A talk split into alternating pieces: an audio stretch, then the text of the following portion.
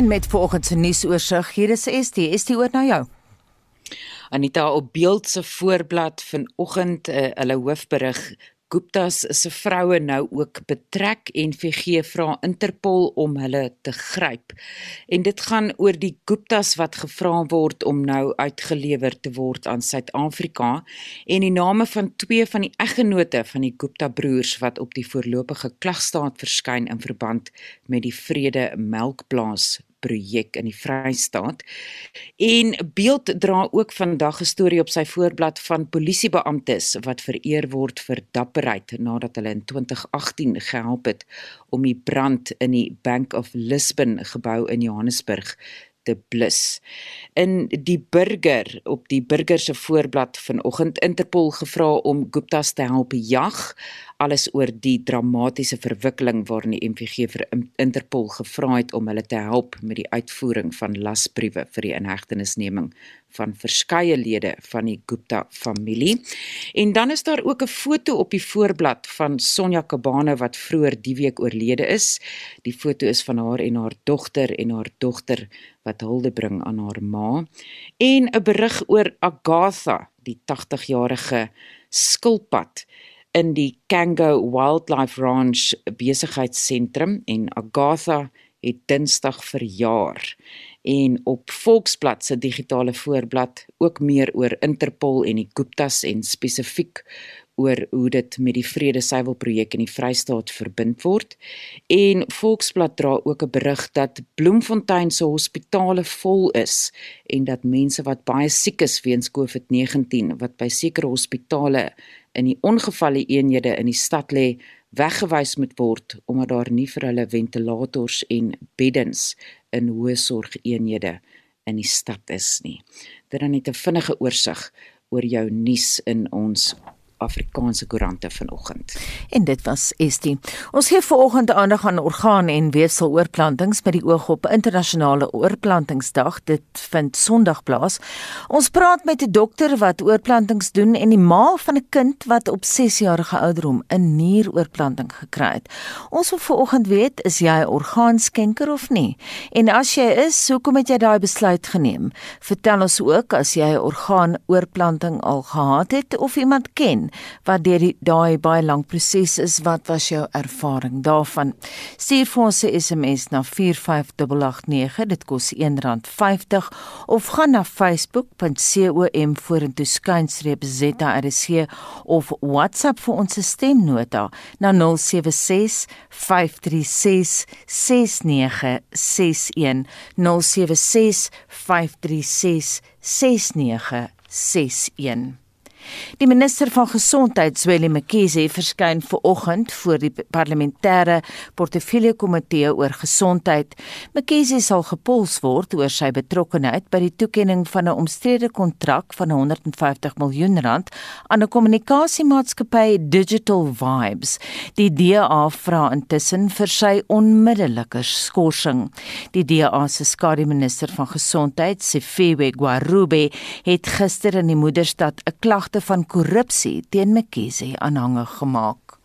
We have laid criminal charges because we are of the view that there is evidence that has been mounting over the past several weeks that suggests that the minister may have improperly signed off a contract to Digital Vibes, a company that is run by close associates of his to the tune of 150 million rand.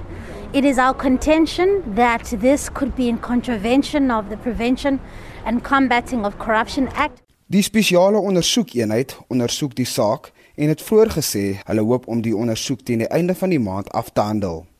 President Cyril Ramaphosa het aangedui dat hy ook die saak hanteer en gesê Mkhize gee sy volle samewerking. Ogwarube sê egter Mkhize moes lankal geskort word. We are also of the view that the president failed yesterday to take any form of leadership by suspending Dr. Mkize pending the conclusion of the SIU investigation. We think that this is improper and we think that actually it could essentially form uh, undue political influence if the minister is in his post while in fact he is being investigated. Die openbare beskermer gaan intussen ook 'n klag by die polisie indien nadat Nkize in 'n ander aangeleentheid nie op 3 dagvaardings in verband met ander sake gereageer het nie. Ek is Vincent Mufokeng vir SAI Garnis. President Cyril Ramaphosa sê die land se ekonomie is besig om te herstel. Hy het die presidentskap se begroting gister aan LPS voorgelê. Hy sê dat die land voldoende enstofdosisse vir volwassenes verseker het. We have secured sufficient vaccine doses for the entire adult population of our country and the rollout is gathering pace and is proceeding. We are now at above 70,000 vaccinations a day and will soon hit 100,000 vaccinations a day. That is going to keep adding adding more pace and momentum. We expect the J and J doses will be released soon, unlocking additional supply at a significant level. Die president sê dat die land se ekonomiese aktiwiteite, ondanks talle uitdagings, weer terugkeer na die vlakke waarop dit was voor die COVID-19 pandemie. Hy sê die rand is op sy sterkste vlakke sedert 2019. Ramaphosa sê hoewel die land nog nie uitgevaar is nie, is daar tekens van ekonomiese herstel. Our country has suffered great devastation. And as COVID-19 continues to spread within our communities and as it continues to take people's lives, we cannot yet say that we have extinguished the flames of this pandemic, but we will. But what we can say is that we are now seeing some of the green shoots of recovery. We are now seeing signs that the focus of this administration has placed on economic reform, which began before the pandemic, that it is steadily but surely paying off. Die president sê die stryd teen korrupsie kry momentum. And perhaps the most debilitating of factors has been corruption, nepotism, and patronage in many parts of the state, as well as in the private sector.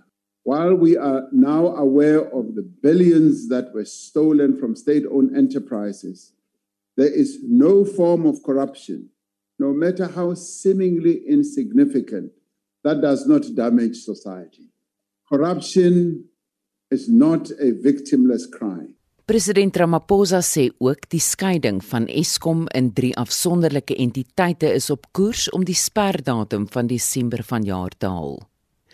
Die verslag deur Lolama Matja en ek is Estie de Klerk vir SAK nuus.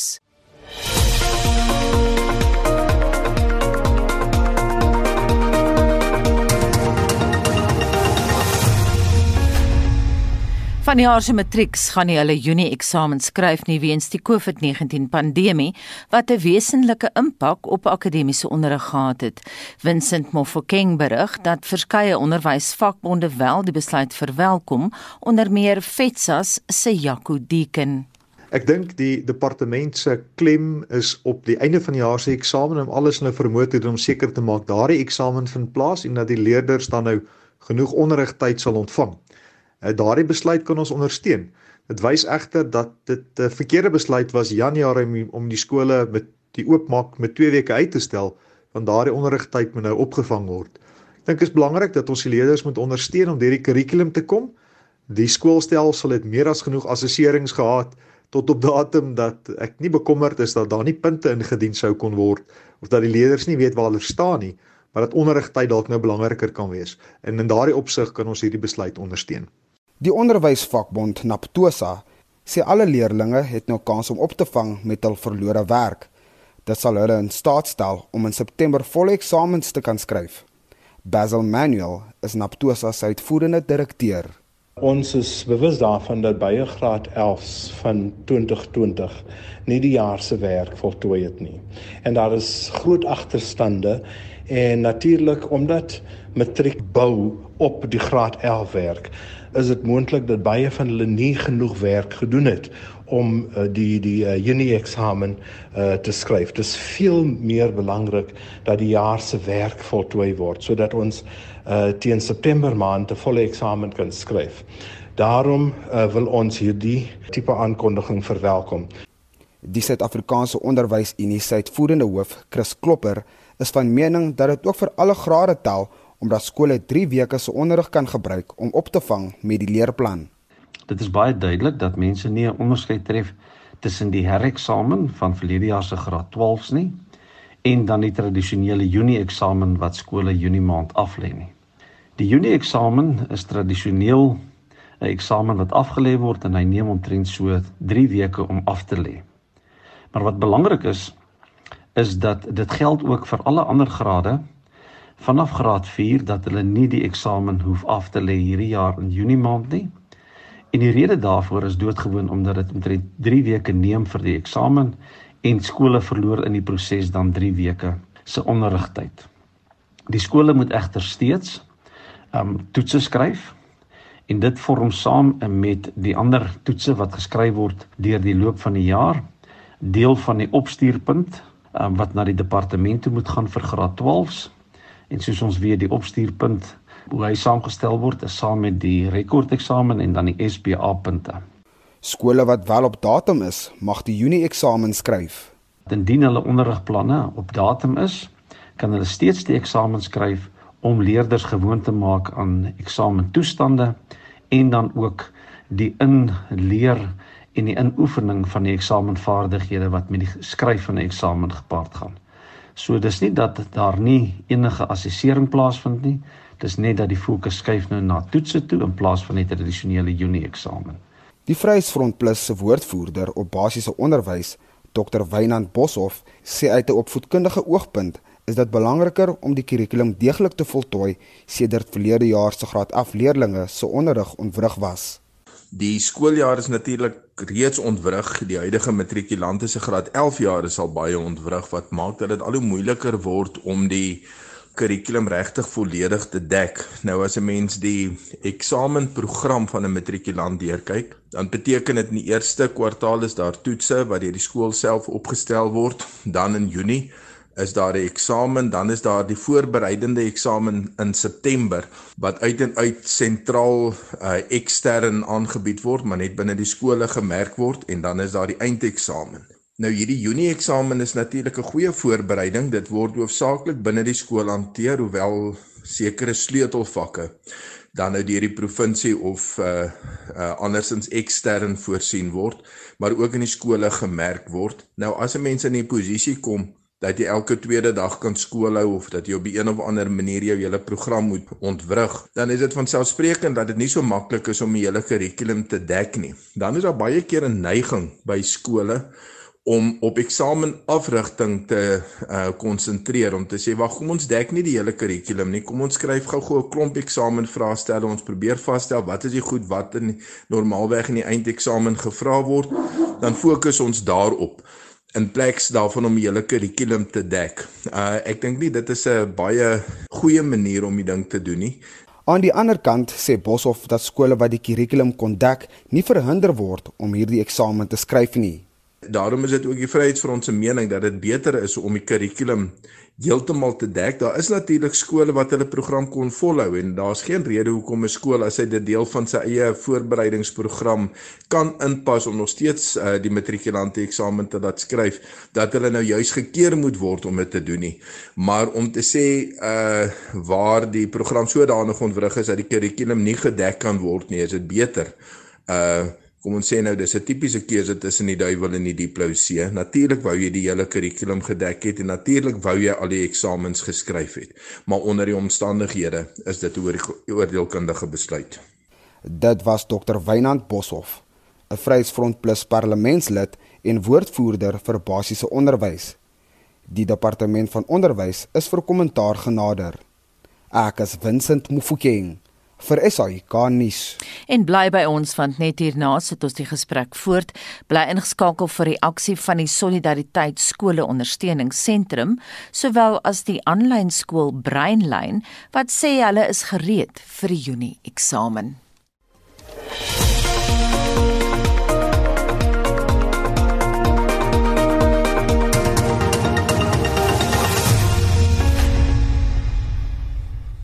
Is dit hoe lyk ons SMS terugvoering vir oggend?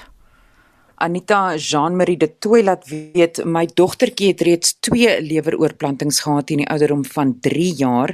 Sy is nou 10 jaar oud en lewe voluit. Ons hele gesin is orgaanskenkers. Daar is so 'n groot tekort aan organe dat tallose mense op die waglys doodgaan. En Nikki Bushby sê ek is geregistreer as 'n orgaan en weefselskenker. Ek ken ook iemand wat 'n nier vir iemand anders geskenk het. Leonie Nodela laat weet Ek is 'n orgaanskenker. My suster het 3 jaar gelede 'n leweroorplanting gekry en dit het haar lewe gered.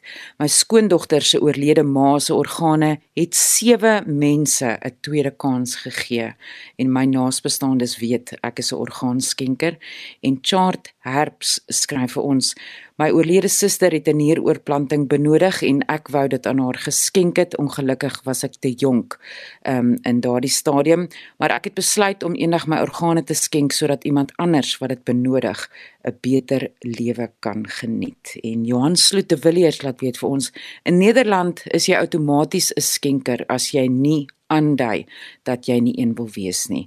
Ek dink is 'n baie goeie stelsel, so sê Johan. Soos Anita aangedui het, ons wil by jou ons praat oor orgaan skenking vanoggend en ons wil by jou weet, is jy 'n orgaan skenker al dan nie en waarom het jy die besluit geneem? En vertel ook vir ons as jy al 'n orgaanoorplanting gehad het of iemand ken wat al deur die proses is en wat is jou ervaring daarvan? Stuur vir ons 'n SMS by 4588910 en rand 50 per SMS.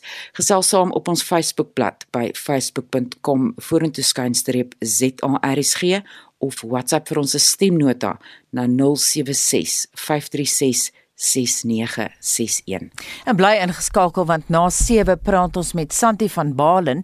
Nou haar 7-jarige seentjie Connor het verlede jaar in Februarie 'n nieroorplanting gekry in Johannesburg.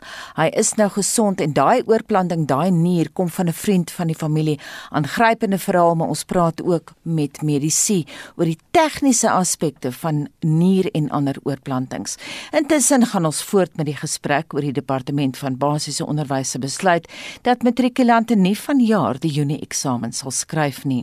Die aanlyn skool Breinlyn se matrieks gaan egter die eksamen aflê.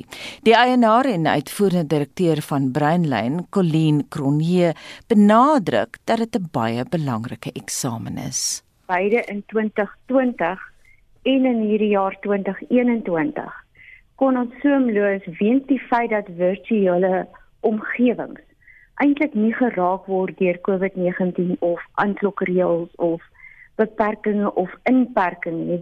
So ons kurrikulum, ons klasse, ons aanlyn webinare, ons assessering loop steeds per die program soos wat ons reeds aan die begin van die jaar bepaal het. Colleen, kom is dit belangrik dat die matriek se Junie eksamen skryf?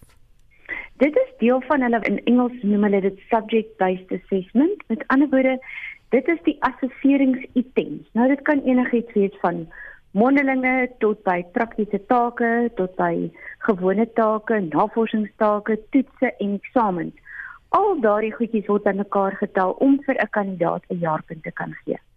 En die jaarpunt dra 25% by tot die finale punt van die kandidaat. In die eindeksamen skryf hulle dan 'n vraestel en daardie vraestel oor die algemeen stel 75%.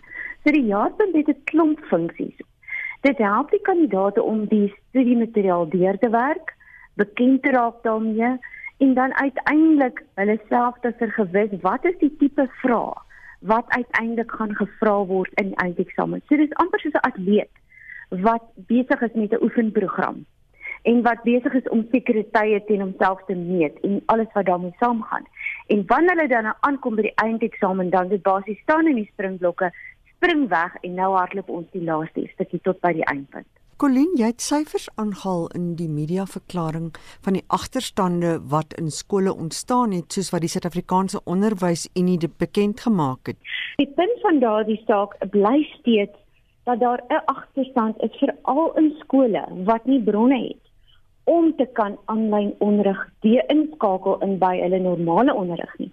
Nou dit kan beteken bloot net nie onderwysers wat kundig is nie of bloot net nie toegang tot data nie en ek dink ons het daai kom ons noem dit storm het ons gesien in Maart, April van 2020 waar mense gesê het Ons wil vreeslik graag aanlyn doen, maar waarmee gaan ons dit doen? Ons het nie rekenaars nie. Ons het nie toegang tot data nie.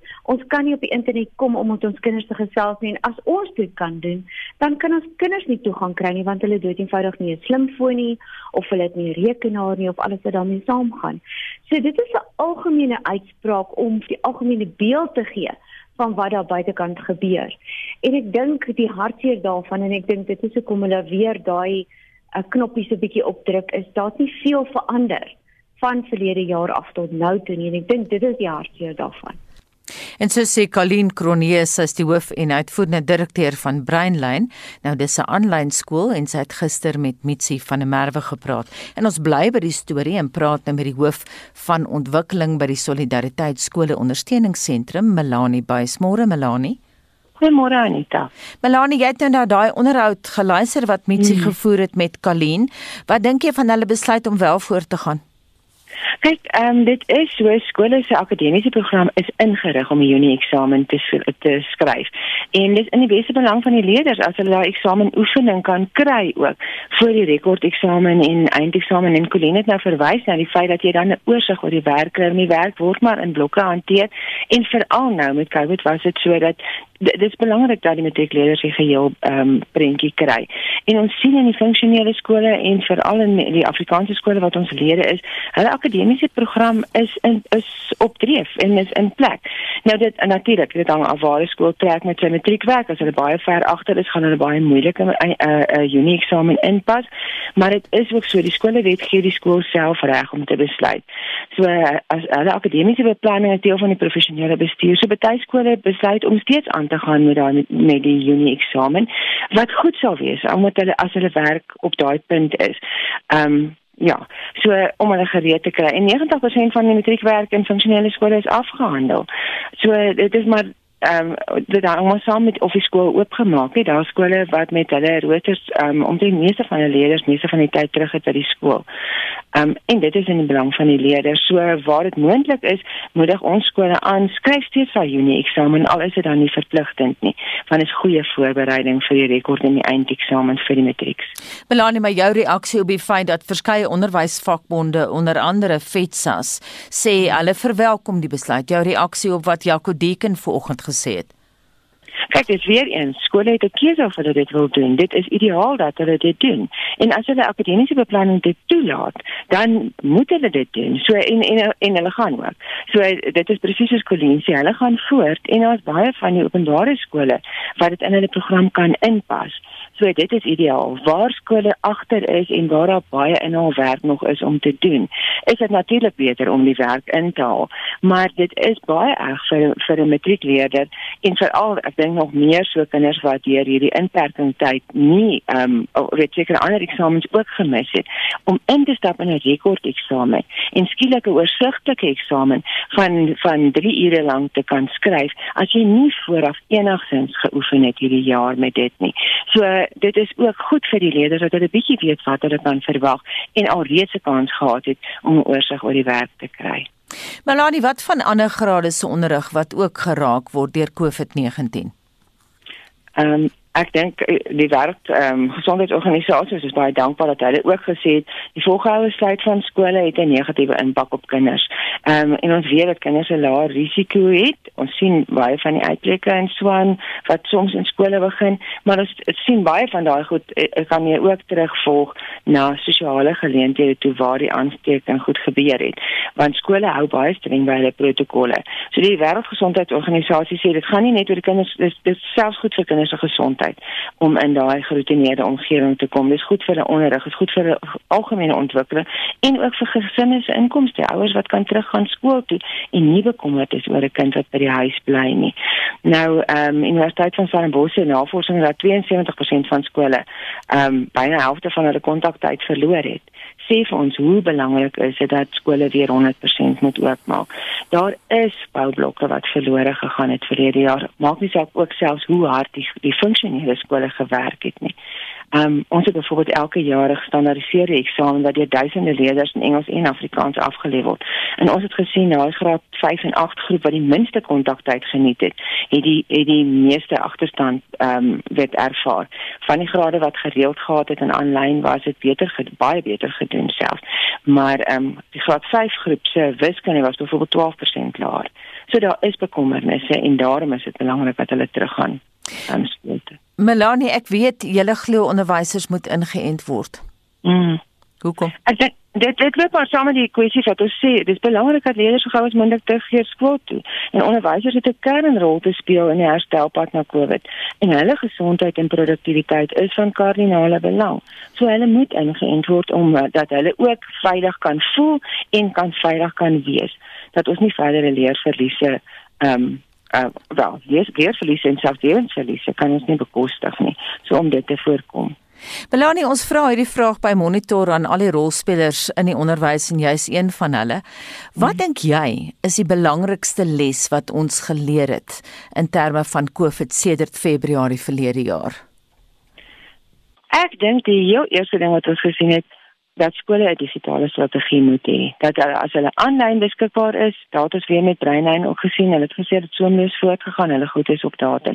So dit is ideaal en dat dat die onderwysdepartement ook beplan um, vir 'n digitale strategie vir skole dat daar 'n aanlyn opsie kan wees in alle skole. So uh, en ons sien in die Weskaap dat hulle daai stryd tot 'n groot mate nou al begin wen. So dit is die heel belangrikste een en dan dat kontakonderrig is onontbeerlik dat ehm um, 'n onderwyser staan sentraal en dat hulle 'n geweldige groot rol te speel het in die welstand maar ook in die leer wat plaasvind. Net terug na die inenting toe, het julle al met die regering gepraat oor inenting en onderwysers? Ehm um, wel ons het ons natuurlik met hulle media beampte ook gepraat het gesê dis in samesprekings en ons het dan ook in, in ons verklaring dan ook gesê ons hoop dat dit wel nie ons hoop nie ons verwag dat dit nie net by samesprekings sal bly nie maar dat die dat die inenting wesentlik sal gebeur voor die 26ste Junie. En Melanie, wat dink jy is die grootste fout wat ons gemaak het in terme van COVID? ek ek dink dit was 'n sterk leerkurwe vir ons almal en ek dink daar was baie goed wat mense terug gaan kyk en gaan sê jy gaan dit op 'n keer anders moet doen. Maar ehm um, wel ek ek dink aan die ander kant ons ja ek dink ons moet dit fokus op die suksese. Wat is wel die, die een groot fout is om te dink dat jy almal oor dieselfde kam moet skeer. Ek dink dit is vreeslik belangrik dat skool skoolbestuure en en beheerliggaam ken hulle gemeenskap. Hulle ken hulle skool, hulle weet waar die risiko's is en dat ons daai die ehm um, daai rol wat wat die gemeenskap en die, en die bestuur se besluit ehm um, het op wat hoe skool dit moet bestuur, dat ons dit nie gering moet skat nie. Melanie, ons hoor nou baie dikwels by mediese kenners ook hier op monitor wat sê hierdie virus gaan nog baie lank dalk met ons wees. Hierdie is nie 'n korttermyn storie nie. So in terme van die langtermyn, hoe sien jy die proses verloop? Kyk, inenting is verskriklik belangrik dat mens net weer normaliteit kan kry en dat dat skole nie gedurig moet toemaak of moet terugval op 'n rotasie rooster of dat onderwysers moet en of kinders moet isoleer nie. So ek dink die heel belangrikste punt is nou dat daai inentings moet gebeur, dat ons dit, dit kan regkry en dat die skole moet kan oop. Ehm um, dat ons 100% weer kontakonderrig onder of of, of hervat en dan dink ek weer eens dan die die die aanlyn opsie dat ons vir kinders begin ook gewoond maak en ek dink ons het nou al reeds die kinders self 'n sterk leerkurwe gehad met hulle selfwerksaamheid of uh, hulle selfgerigte leer en dat ons voortbou daarop en dat ons ook leer om nie te dink. Daar's baie goeie oplossings nou moontlik wat nie in die verlede moontlik was sonder tegnologie nie en dat ons op daai moontlikhede begin bou. Belanie, dit moet moeilik wees gegee die feit dat nie almal saamstem oor die pad vorentoe nie dit dit kom maar weer daaroor gelukkig elke skool kan besluit oor die eksamen of hulle gaan skryf of nie want hulle ken hulle omstandighede hulle weet wat gaan die beste wees vir die kinders. Ehm um, hulle kan besluit of hulle alreeds want daar is baie skole wat reeds 100% oop is as hulle planne in plek kan hê. So ek dink dit is belangrik dat ons vir skole se se um, professionele professionele vermoë ook erken om daai besluite te kan neem wat die beste is vir hulle gemeenskap. Baie dankie vir jou insette vanoggend. Dit dan Melanie Buys hoof van ontwikkeling by die Solidariteit Skole Ondersteuningsentrum. Dis nou 6:45 julle is in 'n monitor en ons maak tyd vir Shaun Jooste. Met 'n besige naweek wat voorlê, skop ons af met rugby nuus. Onthou gerus dat die Springbokspan vir die opkomende Britse en Ierse liefstoer na Suid-Afrika môre aand bekend gemaak word. Die span vir die toetse teen Georgië sal ook bevestig word. Die liefstoer vind tussen 3 Julie en 7 Augustus in Johannesburg en Kaapstad plaas. In die voorlaaste ronde van die Suid-Afrikaanse Reënboogbeker reeks met die Bulls vanaand 7uur op Loftus in Pretoria teen die Stormers en die Lions môremiddag 4uur op Emirates Airline Park in Johannesburg teen die Sharks kragte. Johan Dormalen en Dion Skuman doen verslag oor die twee wedstryde.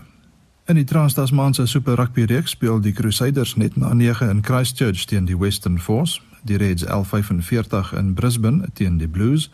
Die Chiefs môreoggend net na 07:30 in Hamilton teen die Rebels, die Highlanders weer kort na 9 en dan Eden teen die Waratahs en die Brumbies 11:45 in Canberra teen die Hurricanes. In die 5de ronde van die Suid-Afrikaanse Vroue Premier Divisie draf die Bulle vanmiddag 4uur in Pretoria teen die Haie, die WP môremiddag 1uur in Kaapstad teen die Grens en die Boland 2uur in Wellington teen die OP op die veldheid. Tennis. In gister se tweede ronde van die Franse Ope in die mansafdeling is Suid-Afrika se Lloyd Harris in 4 stelle met 4-6 6-3, 6-3 en 6-2 deur die Brit Cameron Norrie uitgeskakel. Die eerste gekeerde Novak Djokovic van Servië het 6-3, 6-2 en 6-4 teen Pablo Cuevas van Uruguay en die verdedigende kampioen Rafael Nadal van Spanje 6-stroop, 7-5 en 6-2 teen die Fransman Richard Gasquet geseëvier. Roger Federer van Switserland is ook deur na die derde ronde. In die vroue afdeling het die Amerikaner Sloane Stevens in twee stelle met die Tsjech en nommer 9 Karolina Pliskova en die verdedigende kampioen Iga Swiatek van Pole ook in twee stelle met Rebecca Peterson van Swede afgereken. Die wêreldnommer 1 Ashley Barty van Australië moes weens 'n heupbesering onttrek. Suid-Afrika se Ryan Klassen en sy spanmaat van Japan Ben McLaughlin het hulle tweede ronde wedstryd in die mans dubbelspel afdeling teen die Aussies Luke Seville en Max Purcell met 6-3, 2-6 en 1-6 verloor. Op die cricketveld het Engeland dag 2 van hulle eerste toets op Lords teen Nieu-Seeland op 111 vir 2 in hulle eerste beurt geëindig. Hulle is nog 267 lopies agter Nieu-Seeland se eerste beurtelling van 378. Die Suid-Afrikaanse gebore Devon Conway het 'n dubbel 100-tal vir Nieu-Seeland in sy debuuttoets aangeteken en is vir 200 lopies uitgehaal. Sokker. Die DStv Premier Liga seisoen kom môre tot 'n einde. Al 8 wedstryde begin die middag 3 uur. Black Leopards speel teen Bloemfontein Celtic, Chippa United teen SuperSport United, Golden Arrows teen Stellenbosch FC en Orlando Pirates teen Chakuma FC. Mamelodi Sundowns kom ook teen Cape Town City, Maritzburg United teen AmaZulu, Marokko Swallows teen Baroka FC en TS Galaxy teen Kaizer Chiefs te staan. Motorsport. Die Formule 1 seisoen word hierdie naweek in Azerbaijan voortgesit. Sondag se wedren begin die middag 2 uur en die MotoGP wedren in Katalonië in Spanje begin die middag 1 uur. En laastens op die golfbaan is die Amerikaner Collin Morikawa op 6 onder die voorloper na die eerste ronde van die gedenktoernooi in Dublin, Ohio. Christian Besaidnout vaar die beste onder die Suid-Afrikaners en is gesamentlik 7de op 3 onder. Die plaaslike Alex Heindel begin vandag se laaste ronde van die Sonskynreeks se Sunbet uitdaging by Sun City as die voorloper op 8 onder. Die Amerikaner Megan Gann en Melissa Reid van Engeland op 4 onder het die gesamentlike voortou na die eerste ronde van die Amerikaanse vroue ope geneem. Suid-Afrika se Ashley Buy het haar eerste ronde op 3 oor geëindig. En by die Jabra vroue ope in Frankryk is die verdedigende kampioen Annabel Dimok van Engeland op 4 onder die voorloper na die eerste ronde. Suid-Afrika se Caitlin McNabb is gesamentlik 14de gelyk aan die baansyfer. En dit was Shaun Jooste met ons sportverslag. Vier van Suid-Afrika se grootste lewensversekeraars ervaar 'n stygings van tot 60% in doodseise vanaf die COVID-19 pandemie begin het. Vir meer besonderhede daaroor praat ons nou met Anja Kuis van die Aktuariële Genootskap van Suid-Afrika. Goeiemôre Anja. Goeiemôre Aneta. Het jy al ooit van tevore 'n soortgelyke verhoging in eise ervaar? Um, nee, nog nooit nie. Um, dit was totaal onverwags en 'n tipiese een in 'n 200 jaar gebeurtenis en ons het by baie versekeraars gehoor dat Januarie en Februarie die rekordmaande in hulle bestaan was en dit was gesê dat eise verwerk was. En ek moet sê 'n stygings van 60% is 'n groot stygings. Ja, dit is baie groot. Hallo, enigiets rakend die tendens van doodseise gesien wat julle nou verbaas het die spesifieke tendens?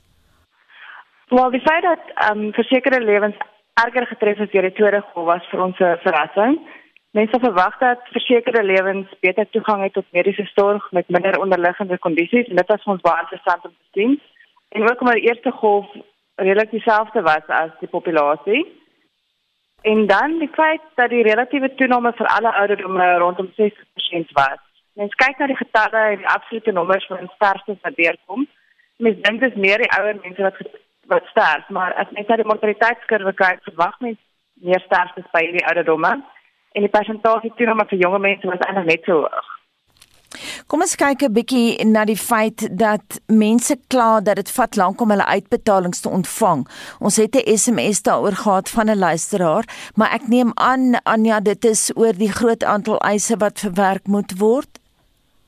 Ja, nee, dit is vir my uh, moeilik om uh, tyd om wat te gee vir die industrie want elke versekeraar se praktyk is bietjie anderster en elke versekeraar het ook hulle eie uitdagings gehad in hierdie tyd. Maar soos ek genoem het wat 'n geweldige toename in eise vir altyd in Januarie en Februarie en my verwagting is dat oor die algemeen die tye sal bietjie verleng maar dalk nie merkwaardig nie. Hulle het ook baie ehm um, navraag gekry oor polisse. So mens kan verstaan dat hulle baie werk was. Ons kan sien dat die industrie rekord volume eise uitbetaal het en dit is fantasties en dat die spanne kon voortgaan om met hulle werk tydens die grendelperiode is ook ehm um, merkwaardig. Anja, jy praat nou van uh, ons grootste uitdaging. Wat was vir julle die moeilikste? Uh, van die versekeraars se punt af. Ja. As van die eerste. Ja. Die versekeraars. Ja, om aan te gaan, ehm um, in die eise uit te betaal en net die geweldige toename wat was ehm um, 'n groot uitdaging. En hoe het julle te werk gegaan om seker te maak die eise is wel eg? Die eise is skies. Hoe het julle te werk gegaan om seker te maak die eise is eg? Watter proses het julle gevolg? O, ja. Ehm um, al die versekeraars het 'n uh, ehm um, 'n link na eh uh, die ehm um, binnelandse sake. So mens kan die doodsertifikaat van daar af trek. En ehm um, die doodsertifikaat sê nie spesifiek COVID-19 nie, maar wel natuurlike oorsake. So die kennisgewing van sterfte voor wat tipies aan die versekeraar gestuur word, het um, dan partymal meer inligting op, um, maar baie keer kom dit net deur as longontsteking of orgaanversaking. En dit is die rede hoekom ons um, in ons studie na sogenaamde buitensporige sterftes of beter bekend in Engels as excess deaths gekyk het. En dat is uitgewerk die hoeveelheid sterftes wat meer is as wat verwag is gebaseer op vorige jare. Mm.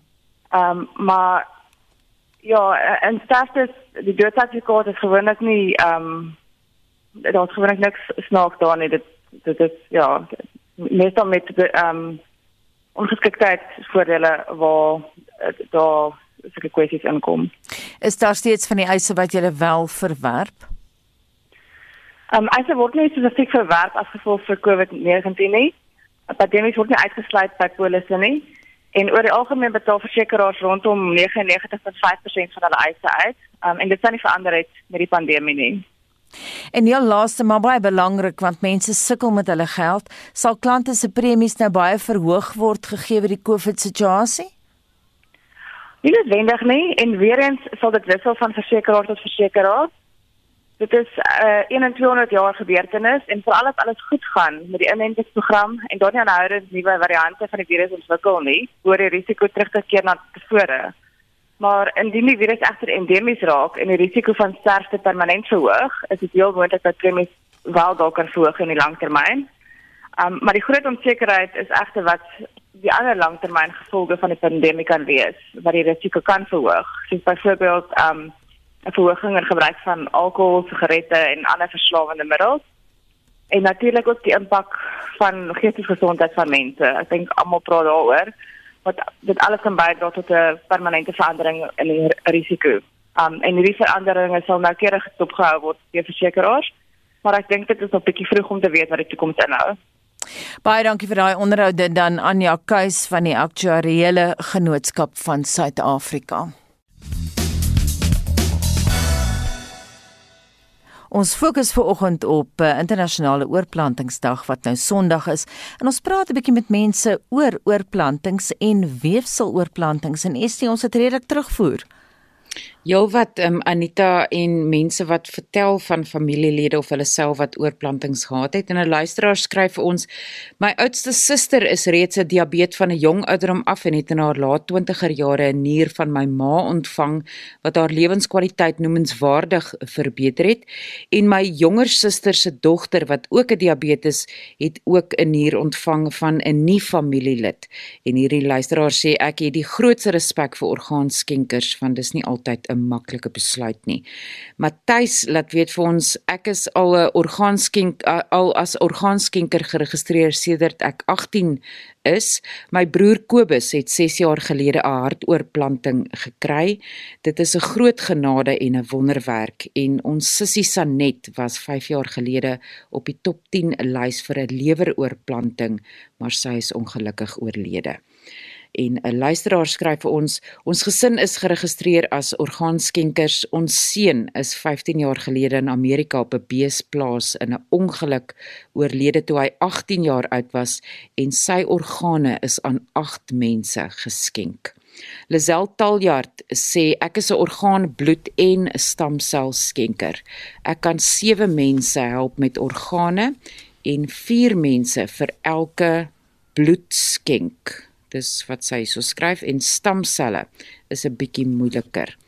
Danny van die Parel laat weet ek's dankbaar vir skenkers. Ek het 'n kornea oorplanting gehad.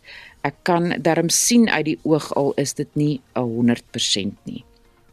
En 'n luisteraar laat weet, my vrou is in finale nierversaking en doen dialyse 3 keer per week en toe sy gediagnoseer is, is ek dadelik getoets en ek kan vir haar 'n nier skenk. Ek het daarin dan besluit om 'n orgaanskenker te word en die oorplanting sou alreeds verlede jaar plaasgevind het, maar is weens COVID uitgestel en dit word nou oor 5 maande gedoen. En Lizzie Webster laat weet vir ons my kinders was getoets vir my man vir 'n nieroorplanting, maar voordat hulle die oorplanting kon doen, is hy oorlede en nou eers besef ons hoe belangrik dit is. Laat weet vir ons of jy dalk 'n orgaanskenker is en of jy dalk al 'n orgaanoorplanting gehad het. Ons hoor graag van jou. Nou ek moet sê met voorbereiding vir hierdie storie het ek interessante goed geleer. Ek het nie besef dat kinders organe van groot mense kan kry nie en dis nou presies wat gebeur het met die 7-jarige Kanner van Balen en ons praat later met sy ma Santi. Ook belangrik is iets wat een van die luisteraars gesê het dat dit hier ook gaan oor weefselskenkings en ons praat dan ook met Sandra Venter wat 'n bestuurder is by Vita Nova Weefselbank in Kaapstad. Maar dit bring ons by 7uur en Helena se reg met die nuus.